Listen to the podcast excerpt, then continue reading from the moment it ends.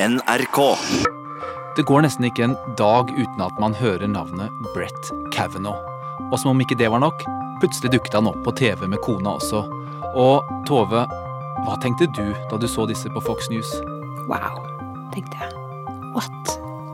Skal han gi et intervju på TV nå, liksom? Det er veldig uvanlig. Krig og fred. En podkast fra NRK Urix. And people generally in high school, I think all of us have probably done things we look back on in high school and regret or cringe a bit. But I, that's not what we're talking about. We're talking about an allegation of sexual assault. I've never sexually assaulted anyone. I did not have sexual intercourse or anything close to sexual intercourse in high school or for many years thereafter. Brett Kavanaugh er altså mannen som kan bli høyesterettsdommer i eh, USA. Hva er det denne skandalen rundt han dreier seg om? Den dreier seg dypere sett om hvordan du faktisk må være som person for å kunne bli høyesterettsdommer. Og det tror jeg er det som er litt vanskelig for oss å forstå hvor utrolig viktige disse dommerne er. Jeg vil nesten si at de står mellom Gud og presidenten. altså det, er, det, er, jo den mellom tredje Gud og presidenten? Ja. ja, mellom Gud og presidenten. Det er, det er, altså en president Vi har jo vet at presidenter har både blitt tatt med buksene nede og, ja, og andre ting. Men de er jo tross alt politikere. En høyesterettsdommer er ikke en politiker. En høyesterettsdommer står over eh, loven, eller forvalter grunnloven i USA, og er tenkt som en som skal virkelig avgjøre de store moralske debattene i det amerikanske samfunnet. De viktigste debattene. Eh, og derfor så er det så utrolig viktig for mange amerikanere hvem det er som får eh, disse eh, postene. Og, derfor så er det også en helt spesiell utvelgelsesprosess, der du nærmest skal være liksom det beste mennesket, da.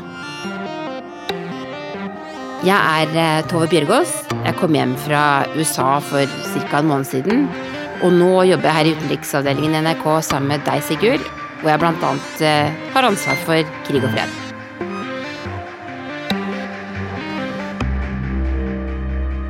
Men dette intervjuet han ga med kona si, hvor han fortalte hvor prektig han var, og hvor eh, eksemplarisk oppførselen hans eh, hadde vært eh, Han hadde ikke engang hatt sex da han gikk på videregående. Det var jo et intervju som hvert fall for en utenforstående kunne minne om et uh, politikerintervju, hvor de kommer med alle sine bekjennelser på TV, noe som er veldig fremmed for uh, europeisk kultur, f.eks. Ja, men det er det som er så spesielt, at det at en høyesterettsdommerkandidat gir et sånt intervju, det er altså uh, Martha McCulloch i, i Fox spør ham er det sant at du stakk kjønnsorganet ditt opp i ansiktet på, på en jente på en fest på Yale, liksom. Altså, det er utrolig nedverdigende å bli spurt om noe sånt. Men det skjedde jo innenfor en ramme av Innenfor den amerikanske konservatismens uh, høyborg, må man si, som Fox News har blitt.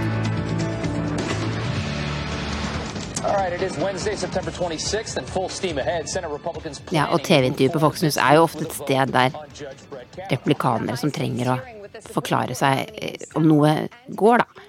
Men det er igjen dette skillet mellom en høyesterettsdommer og en annen politiker. Han er ikke politiker. Nei, for Han blir jo ikke folkevalgt. Nei. En høyesterettsdommer er jo samtidig politisk. Man skal jo være nøytral som dommer, men vi, vi snakker Dere har kanskje du har sikkert hørt at de snakker om at det vil bli konservativt flertall i Høyesterett nå. Og det handler om at det er ulike måter å se amerikanske lovtolkning på.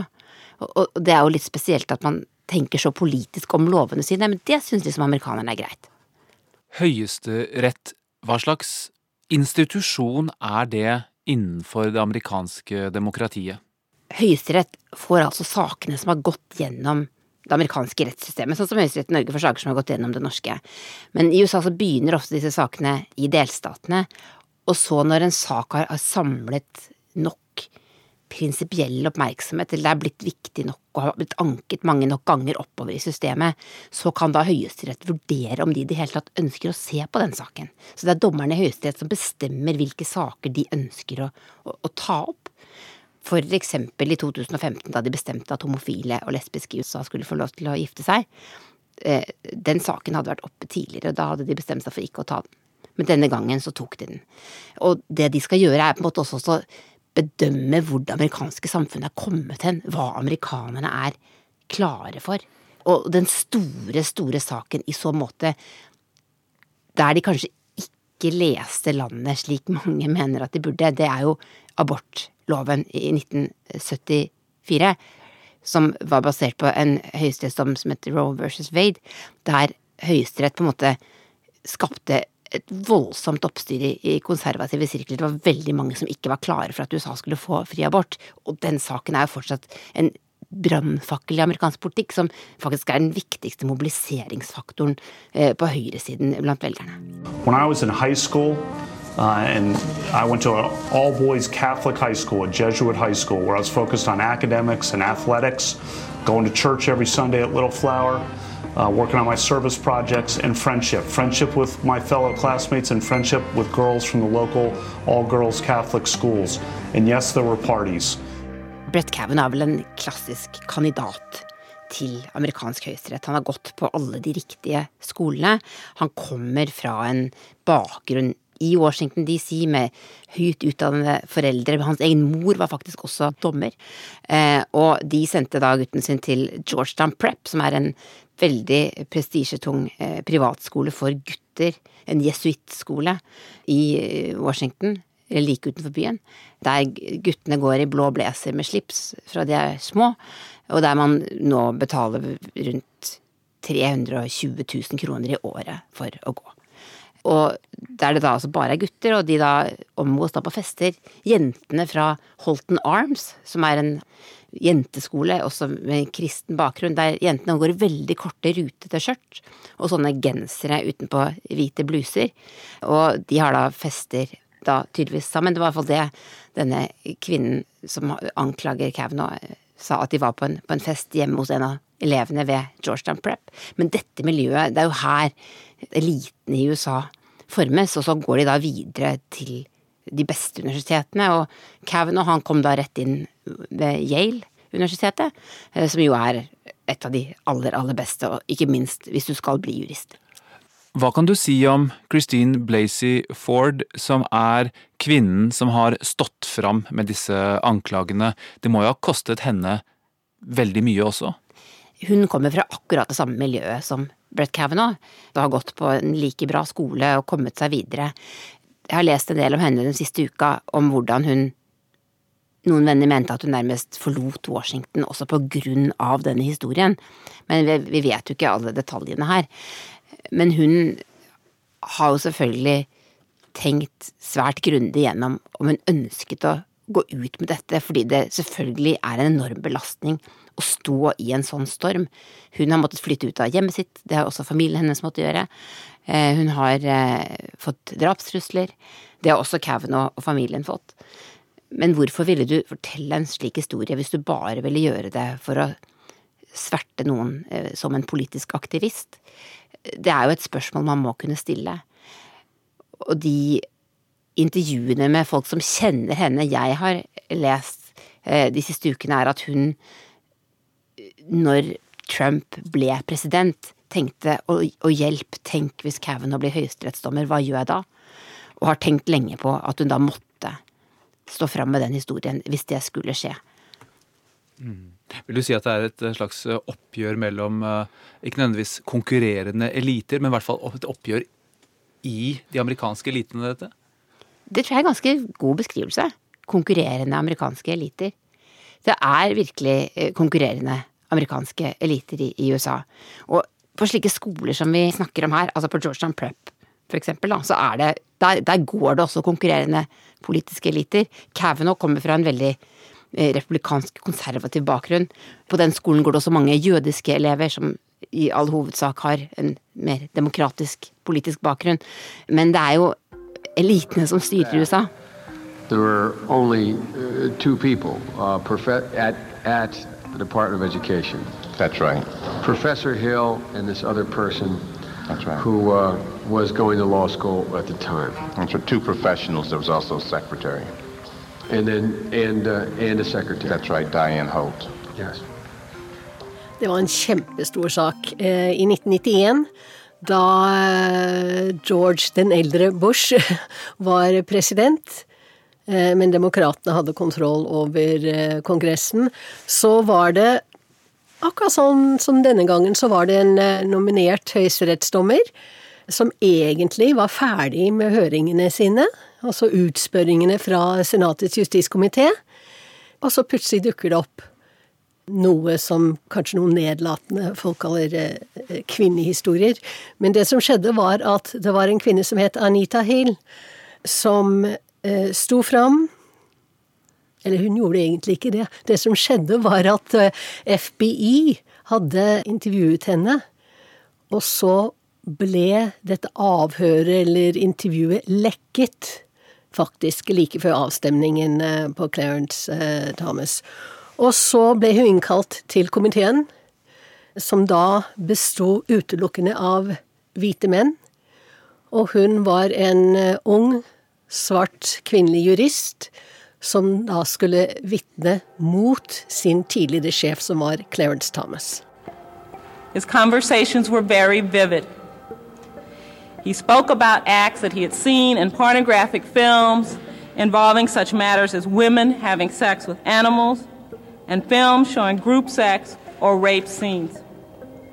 On several occasions, Thomas told me graphically of his own sexual prowess.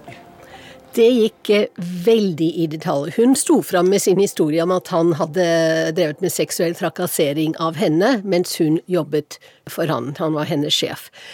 Men eh, disse mennene som satt i eh, justiskomiteen, gikk veldig detaljert inn i hva han hadde gjort og ikke gjort, hva han hadde snakket om. Fordi det hun fortalte, var egentlig at um, han gang på gang, da han var gift, hadde bedt henne ut, og hun sa nei, og da han ikke godtok det, så begynte han å snakke om pornofilmer, om eh, store pupper, om peniser, om sex med dyr og sånne ting som hun syntes var ganske ekkelt. Og, og disse senatorene terpet og terpet og terpet og sa faktisk rett ut hvorfor i all verden skal vi tro det du sier, for dette skjedde for ti år siden. Jeg heter Wenche Eriksen, jeg er utenriksmedarbeider her i NRK, og har vært eh, korrespondent i Washington også. Dessuten er jeg født og oppvokst i USA og bodde der i 17 år.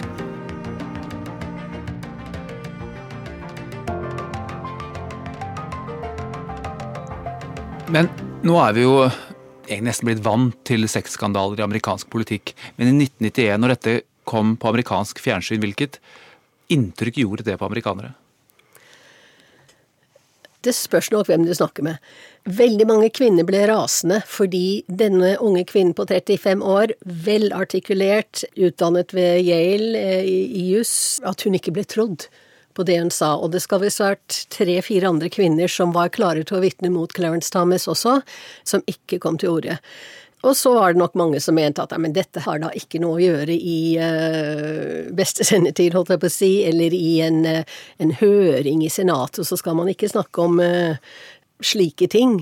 Det var nok Jeg vet ikke om jeg vil si at det var mer vanlig å drive med seksuell trakassering da, men bevisstheten var nok ikke så stor som den er i dag, at slik oppfører man seg ikke. Ja, for han ble godkjent? Han ble godkjent med knapp margin, svært knapp margin. Men i alle sånne prosesser i, når det gjelder høyesterett i USA, så er det politikken i bildet der, ikke sant. Akkurat eh, der var det også demokrater som stemte mot Clarence Thomas, ikke pga. Eh, Anita Hill nødvendigvis, men fordi de ikke vil ha en konservativ, svært konservativ dommer på, i Høyesterett. Og han sitter fortsatt? Han sitter fortsatt.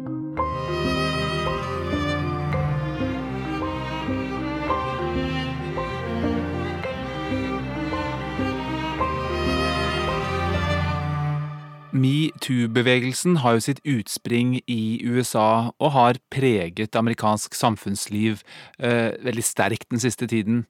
Hvor mye tror du det har betydd i denne Kavanaugh-saken? Jeg tror det har eh, mye å si, fordi nå har vi vært gjennom, ja, det er kanskje to år snart, hvor kvinner har stått fram med sine fortellinger om seksuell trakassering og seksuelle overgrep som har skjedd ikke bare i fjor eller forrige fjor, men for flere tiår siden. Og de har blitt hørt, og de har fortalt noe som de ikke har turt å fortelle før. Sånn at jeg tror veldig mange er blitt oppmuntret til å fortelle det de har opplevd, fordi de etter hvert er blitt klar over at så mange har opplevd det samme. Så sånn sett tror jeg det er helt annerledes enn nå det var i, i 1991, da Anita Hill sto ganske så alene, eller satt ganske alene i denne høringssalen og ble grillet av disse hvite mennene, som tydeligvis ikke trodde på det hun fortalte. Det er jo åpenbare likheter mellom det som foregikk rundt Anita Hill og Clarence Thomas, og det som nå foregår rundt Brett Kavanaugh. Men hva vil du si er annerledes? Den store forskjellen jeg tror nå, er i tillegg til metoo, som er uh, dagens sak på en måte, men også det at um, Anita Hell snakket om seksuell trakassering på jobben. Det var hennes sjef som la an på henne, og som kom med upassende bemerkninger, og en gang har til og med sagt 'hvem er det som har lagt dette kjønnshåret på colaboksen min', liksom. Det var ganske ekle ting. Det er ganske guffent. Ja. Mens den saken vi har nå, i hvert fall den første kvinnen som eh, kom med disse anklagene, her er det en sak som handler om tenåringer. Jeg sier ikke det han er anklaget for er riktig eller noe sånt, men her i Anita Hill Clarence Thomas-saken så var det voksne mennesker. Det var en uh, sjef og hans uh, undersatte. Uh, I denne saken her var noe som, som, går veldig langt tilbake til tiden når man er tenåringer. Det er jo demokratene som kjører denne saken. Men hvis det blir slik i amerikansk politikk at alt et menneske har gjort i løpet av et langt liv kan brukes mot denne personen, tror du det kan slå tilbake på demokratene på noe vis? Ja, det tror jeg kanskje det kan gjøre. At, fordi det man kan kritisere mm, demokratene for denne gangen, for å si det sånn, Dianne Feinstein, som jo er senator, hun skal angivelig ha fått vite dette her for ganske mange måneder siden. Og det er eh, mange som kritiserer henne for ikke å ha kommet med dette tidligere, hvis hun virkelig mente at det var så alvorlig det virker nesten som om demokratene ventet med dette kortet til de var, hadde brukt opp alt annet de hadde, og det ikke førte fram. Det er det mange som, som snakker om og som mener. Eh, men likevel så Anita Hill har jo kastet seg inn i debatten her også igjen. Hun er faktisk professor i dag eh, i kvinnerettigheter og likestilling, blant annet. Hun mener at de anklagene som kommer nå, må tas alvorlig. Hun mener det er mye å lære fra det som skjedde med henne i 1991. Anklagene må tas alvorlig. En uh, uavhengig kommisjon eller komité eller noe slikt må granske disse påstandene som kommer uh, mot Kavanaugh. Og at uh, hun skrev en artikkel, eller en, en, et innlegg i New York Times for et par uker siden, og hun mener også at nå må man ha lært av de feil man gjorde for så mange år siden. Dette kan man ikke akseptere lenger, og noe må skje nå. Men hun er demokrat, så igjen Jeg vil ikke si at hun ikke, ikke har rett, men alt som skjer i denne saken her, har med politikk å gjøre. He's an incredible individual, great intellect, great judge, impeccable history in every way, in every way. I feel so badly for him that he's going through this, to be honest with you. I feel so badly for him. This is not a man that deserves this. Og så er det jo også slik at eh, president Donald Trump har engasjert seg offentlig til støtte for Brett Kavanaugh. Hvorfor gjør han det, Tove?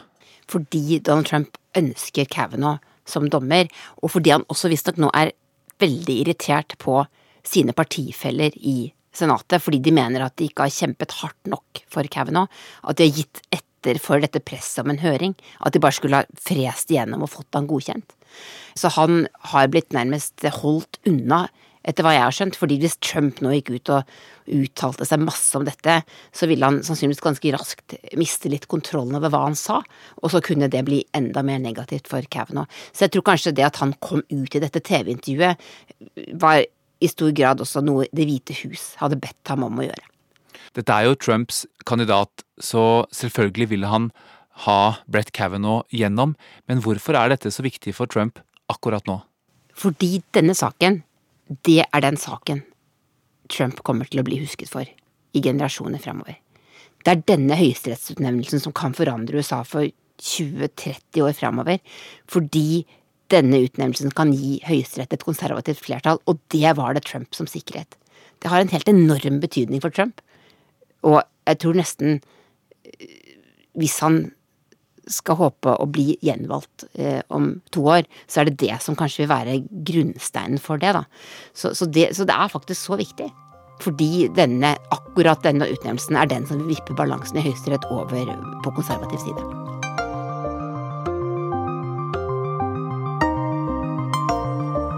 Du har hørt podkasten Krig og fred med Sigurd Falkenberg Mikkelsen.